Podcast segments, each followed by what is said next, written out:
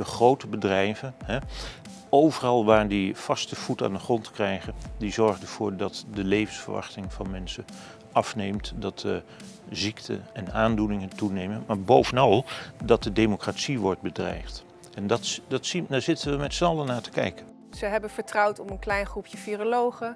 Uh, andere meningen werden gecensureerd. Uh, dat vond ik eigenlijk al niet ethisch.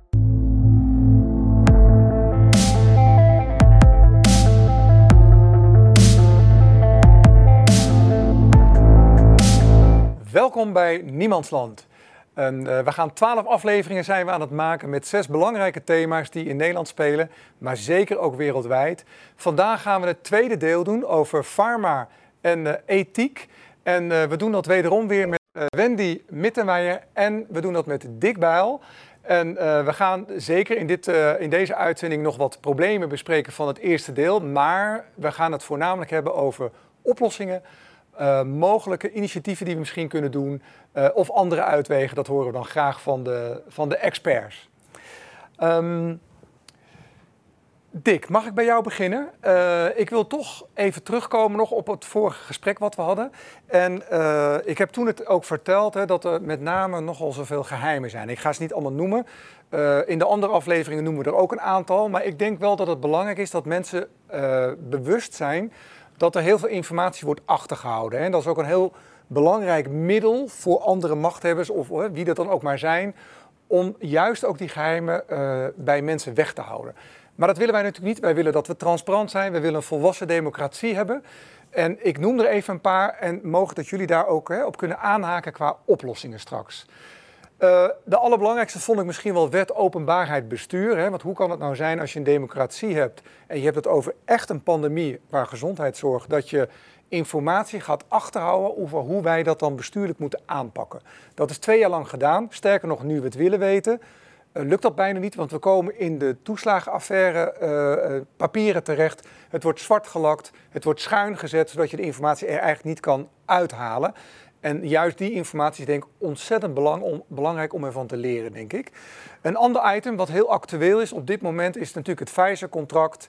We weten natuurlijk dat de pharma uh, niks wil vertellen over hun contracten. Ze maken super mooie deals, uh, verdienmodellen. Maar het gekke is ook dat uh, ja, Ursula von Leyen vanuit de EU op haar eentje gewoon dit geregeld heeft. Uh, dat is natuurlijk heel raar. En er zijn allerlei dingen ineens kwijt. Hè. We kennen dat een beetje van Rutte. De mailtjes zijn kwijt. We hebben er geen herinnering aan. Ga zo maar door. Maar dat is ook, ook wel heel opmerkelijk. En ik wil ook nog even iets zeggen over de PCR-test. Want de PCR-test, daarbij had je je sowieso kunnen afvragen van... Uh, is dat wel een echte goede va validatie hè, van of iemand positief is en dan besmettelijk? Dat hebben we maar gewoon even uh, aan elkaar geknupt. Terwijl dat natuurlijk helemaal niet zo is. Als je positief getest bent, ben je niet helemaal uh, uh, meteen absoluut besmettelijk. Het andere ding is dat er CT-waarden zijn gebruikt om te kijken, dat is eigenlijk een soort centrifuge, om te kijken van hé, hey, wat als we dan testen, kan je daar dan inderdaad een mRNA-deeltje uithalen. Dat is zo overdreven gedaan, want dat hoort eigenlijk op 25 te zitten, dat hebben we gedaan op 35, 40. Maar wat blijkt nu? Deze informatie wil de overheid vernietigen. En de Raad van State heeft daar een stokje voor gestoken. Ik denk dat als je al deze dingen noemt, en ik begin even bij jou, Dick, ja. uh, over geheimen, uh, wat zegt jou dat? Nou, het, het, zegt mij in zoverre iets dat het uh, nu echt aan het exploderen is. Hè. Er waren natuurlijk altijd al hele schimmige contracten of afspraken tussen overheden en farmaceutische bedrijven, maar nu wordt het echt gemaximaliseerd. Uh, Pfizer noemde je hem als tweede punt. Pfizer is een bedrijf wat uh, al jarenlang in de top 3 staat van bedrijven die de hoogste financiële boetes krijgen van uh, rechters vanwege ongeoorloofd gedrag, vanwege fraude, vanwege marketing en reclame maken, terwijl dat niet was toegestaan. Ja, en deze firma die doet een onderzoek naar uh, mRNA-vaccins. Uh, en daar komen fantastische resultaten uit. en vervolgens blokkeren ze de gang van de wetenschap. Dat is namelijk dat je een goede follow-up, een goed vervolg op je uh, onderzoek doet. door te claimen met ethisch niet verantwoord om de placebo-groep niet te, te, vaccineren. Ja, ik kan die twee zaken niet rijmen. Uh, Rutte waarschijnlijk wel, maar uh, het is niet te rijmen. Aan de ene kant continu frauderen en je dan beroepen op ethische principes. Dat, dat vind ik zeer ongepast. Uh, maar goed, dat geeft aan hoe de overheid en een groot deel van de politici en de burgers hierin staan. Men accepteert alles in feite. Wat betreft die PCR-test zagen we met name in de nieuwsberichten op het uh, journaal dat er geen onderscheid werd gemaakt tussen het feit dat uh, iemand een positieve test had of dat hij klachten had. Hè. Uh, en besmettelijk is. Hè? En dus besmettelijk ja. is. Hè? Een positieve testuitslag zegt namelijk in principe nog niets over de besmettelijkheid van iemand. Hè? Uh, Rutte heeft dat ook echt gezegd hè, op televisie. Ja, dat uh, herinner dat, ik Daar zei hij wel iets wat waar was, denk ik. Ja, dat was een verspreking waarschijnlijk. Ja. maar goed, dus die, die test, uh, dat is ook in mijn boek Pandemisch Chaos door uh, Armand Gerbes is dat uitgelegd. Hè. Die test is niet zo goed als uh, verondersteld wordt. Dus daarmee werden we toch wel op het verkeerde been gezet. Ja, en, en het is natuurlijk een heel goed verdienmodel. Ja. ethisch, als je kijkt naar dit soort geheimen, dingen die worden achtergehouden, er komt er nog eentje bij waar, wat nu heel erg speelt, dat is de oversterfte. Ja. Uh, heb je het dan over kausaal verband of kan je hè, er iets anders over zeggen? Niet van wat, wat gebeurt hier? Uh, er wordt onderzoek naar gedaan, maar ook daar zien we weer hè, met privacy dat we eigenlijk het onderzoek tegenhouden. En, en wat ik net ook noemde, hè, het is geheim, het is misleiding. Uh, wat zegt jou dat? Um, nou ja, dat, dat er inderdaad weinig aandacht is voor de risico's van de vaccins, dat valt heel erg op. Daar wordt eigenlijk helemaal niet over gesproken, het wordt een beetje weggewoven. Uh, en dat is, natuurlijk, dat is een, een, een, communicatiestrategie, is mijn indruk. Dus dat wordt bewust uh, eigenlijk weggelaten. Waardoor mensen denken, nou, het is veilig, want nou, dat horen ze ook steeds, het is veilig, het is veilig. Uh, dus men denkt niet eens aan een bijwerking als iemand klachten krijgt, ook artsen niet meer. Dat is een stuk beïnvloeding die ik heel onwenselijk vind, zeker bij, bij dit product. He, je moet zeer geïnteresseerd zijn juist in die, in die bijwerkingen. Anders kan je niet zeggen over de veiligheid. Uh, daarnaast inderdaad de oversterfte. Nou, er is al langere tijd oversterfte. Um, er is ook uh, een nou, hoge correlatie met het aantal herhaalprikken. Dus die, eigenlijk zie je dat die twee lijnen elkaar eigenlijk nagenoeg gewoon volgen. Uh, dat wil nog niet zeggen dat er ook een oorzakelijk verband is. Dat, dat moet je goed onderzoeken. En nou, er is ook een poging gedaan om dat maar we zouden er wel nieuwsgierig naar moeten zijn, ja, toch? En dan zie je eigenlijk dat er eigenlijk al vrij snel werd gezegd... van nou, het komt niet door de vaccins. En dan zeggen onafhankelijke onderzoekers... nou, dat kan je eigenlijk nog helemaal niet concluderen. En we hebben meer data nodig. En dan merk je eigenlijk dat het daar stopt. Dat de overheid niet welwillend is om... in ieder geval zo lijkt het... Um, hè, bijvoorbeeld Eline van den Broek is daar dan bijvoorbeeld mee bezig. Die komt ook in een serie overigens. Ja, ja. ja uh, die geeft ook aan van, goh, ik heb die data nodig. En dan ja, is er een verhaal over de privacy. Maar dan voel je eigenlijk al van, ja, dat is niet helemaal het hele verhaal. Ja. Um, en dat gebeurt keer op keer. Dus je ziet een soort patroon dat de overheid eigenlijk niet echt geïnteresseerd lijkt, ik zeg lijkt bewust, um, in nevenschade. He, daarom worden de maatregelen ook niet geëvalueerd, denk ik. Uh, er is blijkbaar geen belang um, voor hun om dat te evalueren. Maar het is wel in het belang van de burgers. Ja. En ik denk dat het daar ja, en, gaat. En ik denk dan, hè, als, we, als we even gaan kijken naar oplossingen. Ik, ik noem nog even één dingetje, want dat ja. vond ik ook nog wel weer opmerkelijk. Hè, wat ook nu in het nieuws is, dat is apneu hè, van Philips. Daar zie je dus wel hè, dat er een productaansprakelijkheid is. Nou, er wordt dan ook meteen bovenop gesprongen door met name claimadvocaten. Bij een Pfizer en uh, de farmaceutische industrie hebben ze dat afgedwongen omdat dat er helemaal niet is. Maar er is wel degelijk, wat jij ook zegt, er is nevenschade, misschien nog wel erger dan dat. Uh, maar als we kijken naar oplossingen, we hebben een aantal dingen aangekaart. Waar kijk jij dan als eerste naar, Dick, wat er mogelijk zou moeten veranderen? Ja, nou even in hakend op wat Wendy noemde. Hè. Uh, gegevens worden dus niet beschikbaar gesteld door de overheden. Hè.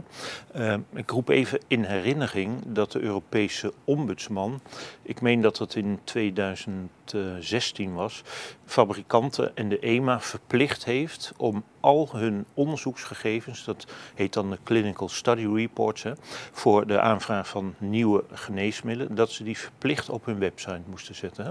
En dat is een enorme winst voor de onafhankelijke wetenschap. Dus zoiets moet natuurlijk nu ook gebeuren. Het punt was namelijk dat onderzoekers konden een heleboel gegevens over bijvoorbeeld de, de griepremmer Tamiflu, allerlei uh, afslankmiddelen, konden ze niet goed vinden in de onderzoeken. En dan hebben ze eerst geklaagd bij de tijdschriften, bij uh, de fabrikanten, levert allemaal niets op. En toen hebben ze de Europese ombudsman benaderd en die was daar die had daar wel oren naar en die heeft daar uh, actie op ondernomen. Dus wat betreft de politiek zou daar gewoon een speerpunt moeten liggen van jongens, realiseer je dat het hier om de veiligheid van de burgers gaat. Hè? En daar moeten jullie je mee bemoeien. En vooral de linkse partijen. Ja, en, uh, als jij dit meeneemt qua oplossing, want we hebben het eigenlijk ook wel over de, hè, over de data hè, voor de patiënt of voor degene die, hè, die iets heeft, uh, is het natuurlijk heel erg belangrijk om te weten wat heb ik eigenlijk. En uh, zie jij daar oplossingen, mogelijkheden dat dat beter kan dan, hoe we dat eigenlijk nu doen? Ja, eigenlijk wat, wat Dick al aangeeft. Hè. De overheid moet in die zin het voor met name onafhankelijke onderzoekers veel makkelijker maken om naar die data te gaan kijken. Uh, en dat niet alleen maar in handen laten van een overheidsinstantie. Want dat is er toch een soort verlengstuk van die, van die overheid.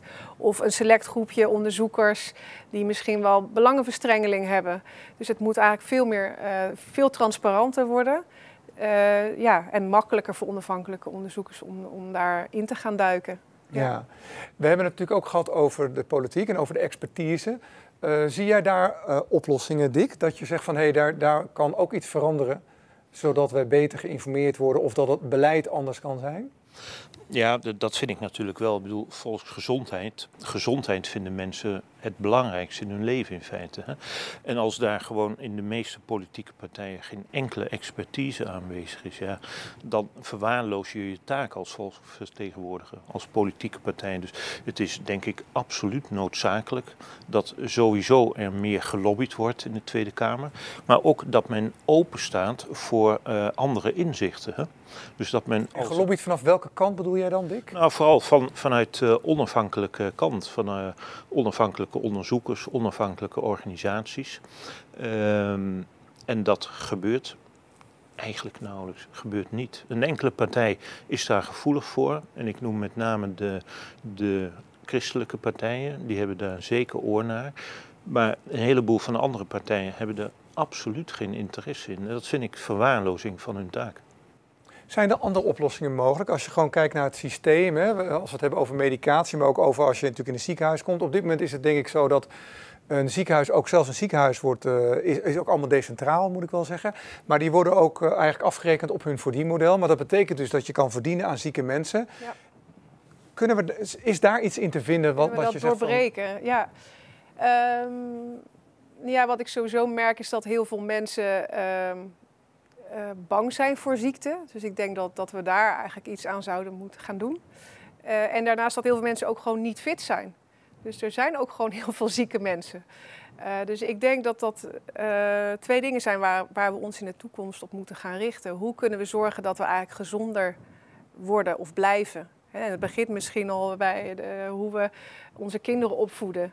Hoe ze, dat we ze moeten leren om voor een lichaam te zorgen, om daar trots op te zijn uh, ja, voor, voor elkaar ook te zorgen. En dat we ook weten wat ja, we eten misschien, hè? Precies. En uh, kijken naar, naar, naar je leefomgeving. Hoe schoon is ons water, is, is de lucht? En dat je daar zelf ook verantwoordelijk uh, voor voelt. Want nu wijzen we al snel naar die overheid. Van die, die moeten maar eens gaan ingrijpen. Maar ik denk dat we, waar ik nog vooral heel erg in geloof, is toch dat we zelf als burgers ook heel veel kunnen veranderen als we maar willen. Um, en ja, die, die motivatie begint denk ik al in, je, in je jeugd. Uh, dus, dus daar geloof ik in. En aan de andere kant denk ik dat mensen ook gewoon veel meer uh, kunnen vertrouwen op hun, op hun lichaam. We, we, zijn al heel snel bang, merk ik. We, we willen maar worden we ook niet een beetje bang gemaakt? We worden ook bang gemaakt, ja. Nee, maar dat, uh, de industrie maakt er natuurlijk ook ergens een beetje gebruik van. Maar we laten ons ook gebruiken. Dus uiteindelijk moet je zelf zeggen, ja, ik heb geen medicijnen nodig. Want ik ben gezond en ik, ik eet gezond. En als je dan een keer medicijnen nodig hebt, is dat natuurlijk prima. Hè? Ik zeg niet dat we helemaal nooit meer, dat er geen plek is voor medicatie. Maar ik denk dat we nu veel te snel teruggrijpen op medicatie. Dat we daar ook afhankelijk van zijn geworden. Het is snel, het is makkelijk, maar ga terug naar, naar het kernprobleem. En als je dan kijkt naar de huisarts, hè, daar kan je denk ik zeker qua, uh, qua ervaring ook wel wat over zeggen, Dick. Hè? Ja. Wat ik zelf een beetje merk is dat, dat de systemen heel erg zijn doorgevoerd. Hè? Dus als je echt last van je maag hebt, nou, dan ga je naar uh, iemand die gespecialiseerd is in, in, in je maag of darmen. Uh, net wat je aangeeft als patiënt, maar er wordt niet gevraagd van, goh, misschien heb je wel last van stress of wat dan ook. Die hele holistische kijk, dat preventieve kijken naar de patiënt, daar tijd voor nemen. Ik zie dat niet echt terug. Is dat een, is, zitten daar oplossingen? Ja, er zitten natuurlijk zeker uh, oplossingen. Uh, kijk, Nederlands Huisartsgenootschap maakt uh, richtlijnen voor heel veel klachten en aandoeningen. En daar staat natuurlijk altijd wel een paragraaf in, niet-medicamenteuze therapie. Hè. Maar de verhalen die ik nu hoor uit de praktijk is dat huisartsen daar helemaal geen aandacht meer, of vrijwel geen aandacht meer aan besteden. En dat, dat vind ik een buitengewoon slechte zaak, want het, het idee heerst van voor elke klacht is wel een pil. Ja, dat zal wel, maar je kunt aan die pillen ook doodgaan of heel ernstig ziek van worden. Um, en heel veel patiënten willen ook graag die pil. Die voelen zich niet geholpen wanneer hun huisarts zegt van nou ga nou eens op tijd naar bed en uh, stop eens met roken, ga bewegen. Die, die gaan ook naar die huisarts met de verwachting, dan krijg ik iets. Ja, dat ik een pil krijg, is, is het over of daar gaat het, over. Ja, die willen dan anders ja. Uh, en, dat is het verwachtingspatroon van mensen, hè, van patiënten. En, en dat is iets waar ze waar ze goed over na moeten denken. Als ze een klacht hebben, hebben ze het vaak al besproken in hun gezin of uh, met vrienden in de buurt wellicht. Uh, van belang is dat uh, mensen zich realiseren, waarom ga ik nu naar de dokter? Hè? Wat verwacht ik van hem of haar? Wil ik een diagnose hebben? wil ik een medicijn? Wil ik een behandeling? Of wil ik gewoon gerustgesteld worden? als je alleen maar naar de huisarts gaat omdat je gestuurd wordt door je familie, ja, dan wordt het heel erg moeilijk voor zo'n huisarts hè, om daar een adequate behandeling tegenover te zetten. Uh, dus dat heeft te maken met bewustwording van een patiënt. En waarom is dat belangrijk? Omdat de meeste klachten en aandoeningen in de huisartsenpraktijk vanzelf overgaan. Dus daar moet je niet het risico willen lopen dat je uh, bijwerkingen krijgt van medicijnen. Dus eigenlijk ook, als ik jou zo hoor, Dick, meer informatie over uh, misschien wel ons eigen lichaam. Hè? Dat begint misschien al wel in het onderwijs. Hè? Met, ja. Dat we dat uh, belangrijk meenemen in het onderwijs. Dat, dat, dat, de kinderen eigenlijk al dat een soort van uh, ja, natuurlijk opnemen van goh, hoe zitten we in elkaar en hoe ziet het voedsel er eigenlijk uit, wat is goed voor ons, in plaats van wat je nu eigenlijk ziet, hè, dat ja, vanuit de, de, de, supermarkten en bedenk het allemaal maar, dat, dat waarschijnlijk heel veel mensen niet eens meer weten waar iets vandaan komt. Nee. En dan denken, omdat er zulke mooie marketingplaatjes op staan, dat het ook nog goed voor ze is. Ja. Is daar veel te winnen? Dat denk ik wel, ja. En ik denk wel dat het een, uh, een langdurig proces zal zijn. En daarom snap ik ergens ook wel, zeker nu je bijvoorbeeld ziet dat ste mensen steeds dikker worden, hè, dat, uh, dat overheden misschien ook gaan denken van verdorie, mensen krijgen allemaal obesitas, we moeten nu ingrijpen, suikertax, top-down moeten we dit gaan aanpakken. Uh, maar ik geloof, denk nog steeds dat uiteindelijk de, de lange termijn oplossing ligt in uh, ja, mensen zelf bewust maken wat een gezonde leefstijl is, dat we daar toch uiteindelijk in moeten gaan investeren. En misschien moet je dat anderen ook een beetje doen. Maar ik geloof met name in, in die educatie van mensen. Ja, dat ze het zelf gaan doen. Ja. En we hebben natuurlijk ook gesproken um, nou, over de e-, enorme macht hè, van bovenaf. Ja. Uh, zie je daar oplossingen, Dick, hoe we dat misschien anders moeten aanpakken vanuit overheden, politiek? Maar, hè, want ja, uh, het, het is ook misschien aan de ene kant een soort van logisch, hè, dat die mensen heel graag heel veel geld willen verdienen. Ja. Maar het is ethisch voor de patiënt, denk ik, niet zo heel erg goed. Zeker niet altijd, laat ik het zo zeggen. Nee, het is uh, meestal niet goed. Hè? Wat ik genoemd heb, hè, ook in die filmpjes zo strak, dat medicijnen uh, hard op weg zijn om een hele belangrijke doodsoorzaak te worden naar hart- en vaatziekten en kanker. Dus dat, dat is een heel belangrijk signaal voor de overheid. Daar moet je op ingrijpen. Hè. Je kunt die uh, farmabedrijven niet hun gang laten gaan. Want dat is, als we dit zo door laten gaan, uh, deze hele neoliberale ontwikkeling, dan uh, zijn die bedrijven straks de baas bij VWS, die zijn de baas bij de huisartsen, bij de specialisten. Ja, goed, dan, dan staat niet het belang van de patiënten voorop, maar het belang van de aandeelhouders. En dat is iets wat we niet moeten willen. Nou is het wel zo, hè, wat jij zegt, Dikke, dat heel veel mensen wel die informatie eenzijdig binnenkrijgen. Ja. Is er een oplossing dat mensen hun informatie op een andere manier kunnen vergaren, zeg maar? Dat ze eigenlijk wat beter weten van eh, wat is nu wel of niet goed voor mij of hoe kan ik die afweging maken? Ja, ja dat is uh, denk ik heel erg lastig. Want uh, ik, ik geloof nog steeds dat, dat de informatie in principe van je behandelaar moet komen. Dat, dat in dat gesprek de informatie van de behandelaar naar de patiënt moet. En waarbij de patiënt ook de juiste vragen moet leren stellen. Dus ik geloof ook dat, ehm, dat een patiënt bijvoorbeeld ook de vraag moet stellen: zijn er nog andere opties voor mij dan alleen deze pil?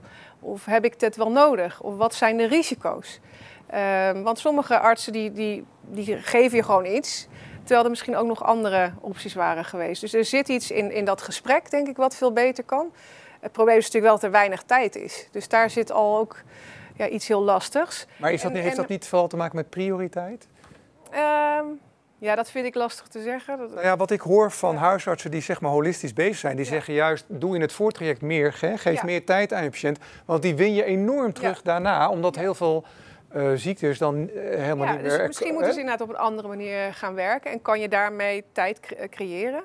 Uh, maar deze artsen worden natuurlijk ook beïnvloed. Dus zelfs als die patiënt de juiste vragen stelt, is het natuurlijk nog steeds een vraag: krijgt hij dan het hele verhaal te horen. En er zitten natuurlijk heel veel artsen worden natuurlijk uh, beïnvloed door uh, hun eigen beroepsgroep, natuurlijk, hè, door de opinieleiders, um, maar ook door fabrikanten. Er is heel veel beïnvloeding.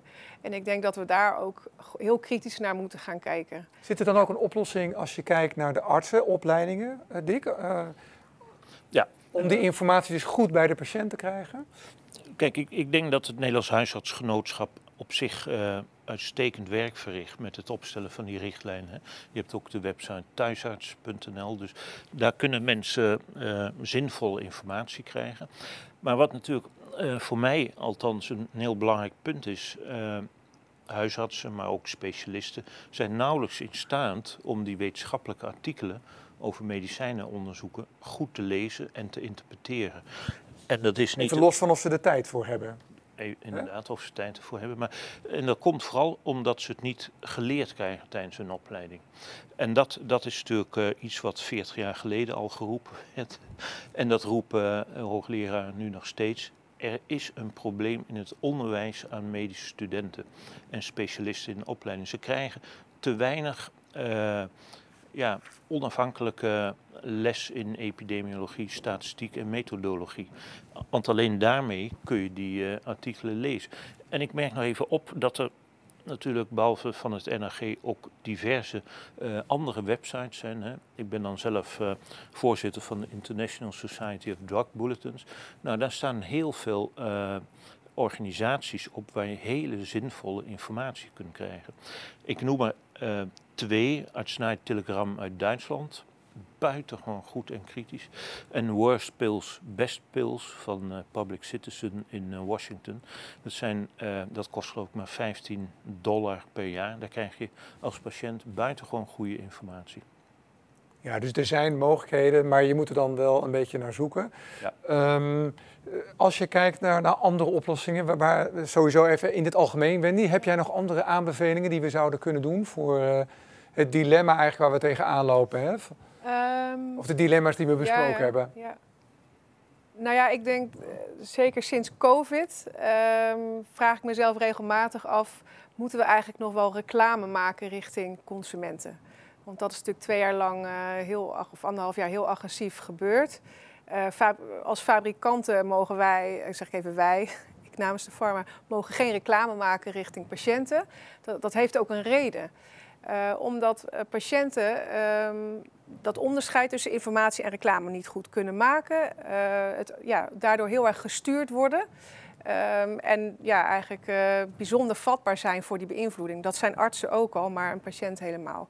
En ja, we hebben ja, afgesproken in Nederland dat we dat niet doen. In Amerika mag het wel, in Nederland niet. Maar we hebben nu natuurlijk anderhalf jaar gezien dat een overheid zich richtte tot die patiënt, zonder dat die arts daar eigenlijk nog tussen zat. En eigenlijk heel erg ging sturen in die keuze. En dan ook nog eens op een hele onethische, ongebalanceerde, ongenuanceerde manier. Zonder ook nog de andere kant te belichten. Nou ja, ik, ik denk dat we dat nooit meer zo moeten willen met z'n allen. Um, ik ben me echt wild geschrokken. Uh, ja, de farmer mag het niet, waarom mag een overheid het wel? Want uh, ja, er is een reden dat we dat niet mogen doen. Nou ja, dat is een van de dingen waarvan ik denk dat moeten we misschien niet meer doen. Uh, en ik denk zelfs nu wel eens, en dat is een beetje vloek in de kerk, want ik werk natuurlijk in de pharma, dus mijn marketingcollega's uh, die zullen nu wel denken, wat zegt ze nu? Gooi het eruit, Wendy. ik denk überhaupt dat de reclame, ook richting artsen, daarvan vraag ik me af en toe af, um, waarom moet dat eigenlijk? Waarom moet daar een kleuring in zitten? Uh, ook als je informeert, als fabrikant zit daar natuurlijk al sowieso een kleuring in. Maar laten we in ieder geval gaan informeren en geen reclame meer maken. Uh, dan zal mijn marketingcollega zeggen, die nu kijkt van ja, maar een goed product verkoopt zichzelf niet. Dus je moet marketing doen. En dat is ook wel waar. De meeste artsen willen bij het oude blijven. Dus ook al heb jij dan een product, een geneesmiddel dat meerwaarde heeft, zullen ze dat niet snel voorschrijven. Dus daar zit natuurlijk uh, ja, ook een argument om het wel te blijven doen is omdat je ze een beetje, een beetje wil verleiden.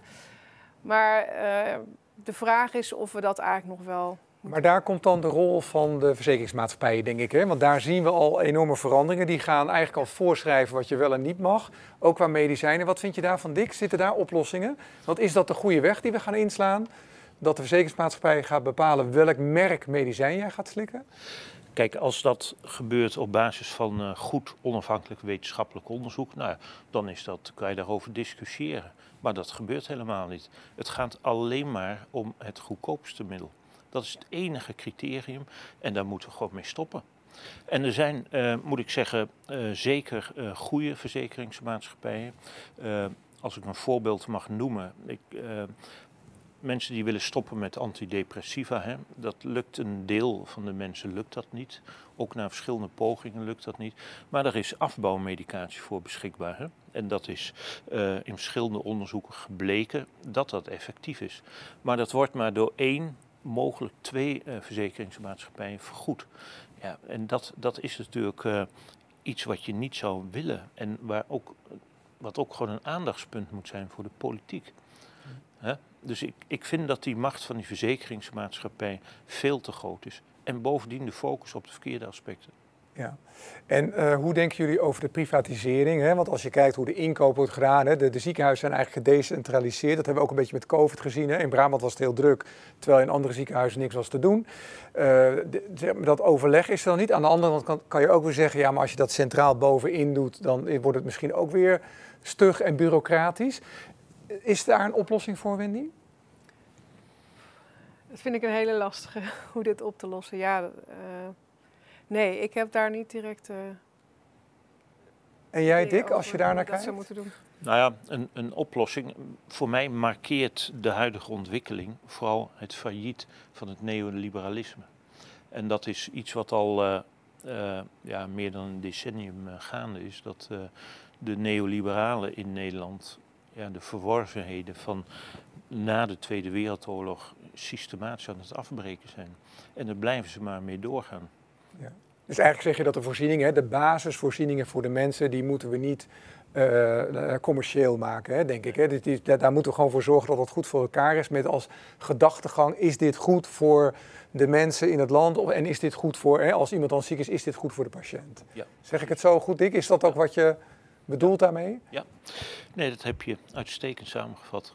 Ja, ik heb daar niet veel aan toe te voegen. Ja, je kan er natuurlijk een hele avond over praten, maar dit is de kern van het probleem. Ja. En dat is eigenlijk ook wel weer ethisch, toch? Moeten, als je naar een oplossing kijkt, kunnen we iets met dat ethische, hè, wat jij zegt, Wendy, ik vind het wel heel mooi, want ik, ik zie toch wel dat we naar een, een controlemaatschappij gaan. Uh, we hebben het daar in andere afleveringen over. Hè. We gaan echt naar een social credit system. Uh, daar durven wij veel over te zeggen, omdat we veel onderzoek hebben gedaan daarover. Uh, het is waarschijnlijk al bijna niet meer te stoppen. Dat betekent dat wij in een controlesysteem komen. En dan vraag ik me af over ethiek, zelfbeschikking van je lichaam. Uh, is dat niet heel erg belangrijk, de regie in je eigen leven houden? Ja, dit is precies wat ik heel erg gemist heb. Uh, dus precies deze vragen. Hoe belangrijk is lichamelijke integriteit voor ons? We vonden het allemaal heel normaal dat er gesproken werd over vaccinatieplicht. In sommige landen is dat er ook gewoon doorgekomen. Uh, alsof het de gewoonste zaak van de wereld was. Dat een overheid gaat bepalen wat mijn lichaam ingaat. En hoe gezond je bent. Ja, exact. En of je besmettelijk bent, precies, eigenlijk nog, nog erger. Inderdaad, ja. ja. Uh, ik vind dat hele fundamentele vragen. En ik heb eigenlijk weinig ethici of filosofen uh, daarover horen spreken. En als er een het woord kreeg, dan was het iemand die eigenlijk vaccinatieplicht zat te verdedigen. Of dat op basis van allemaal ja, pseudowetenschappelijke aannames. Ja. Uh, wat eigenlijk ook helemaal dan niet zijn taak is, denk ik. Ik denk van, goh, uh, is dat eigenlijk wel jouw taak als ethicus om zo uh, een, een, bepaald standpunt te verdedigen? dus ik had het idee dat dat meer politieke instrumenten waren dan, dan echt iemand die het van verschillende kanten ging belichten. Want dat is in mijn ogen wat ethiek is en filosofie. Dat je vragen stelt en dat je je inleeft in alle verschillende standpunten en, en, en doelgroepen. Uh, en het drama wat daarbij hoort. Dus dan kan je ook niet ongevaccineerden gaan, gaan wegzetten zoals sommige ethici gewoon deden op, op, op de nationale televisie. Precies zoals wetenschap ook moet zijn. Hè? Ja, exact. Alle gegevens ja. tot je nemen en uh, dat wel overwogen en dan uh, wel overwogen en dan tot een uh, conclusie komen. Ja, Hoe krijgen we die ethiek terug? In, in de, en, en, waar zou jij het graag als eerste terug willen hebben?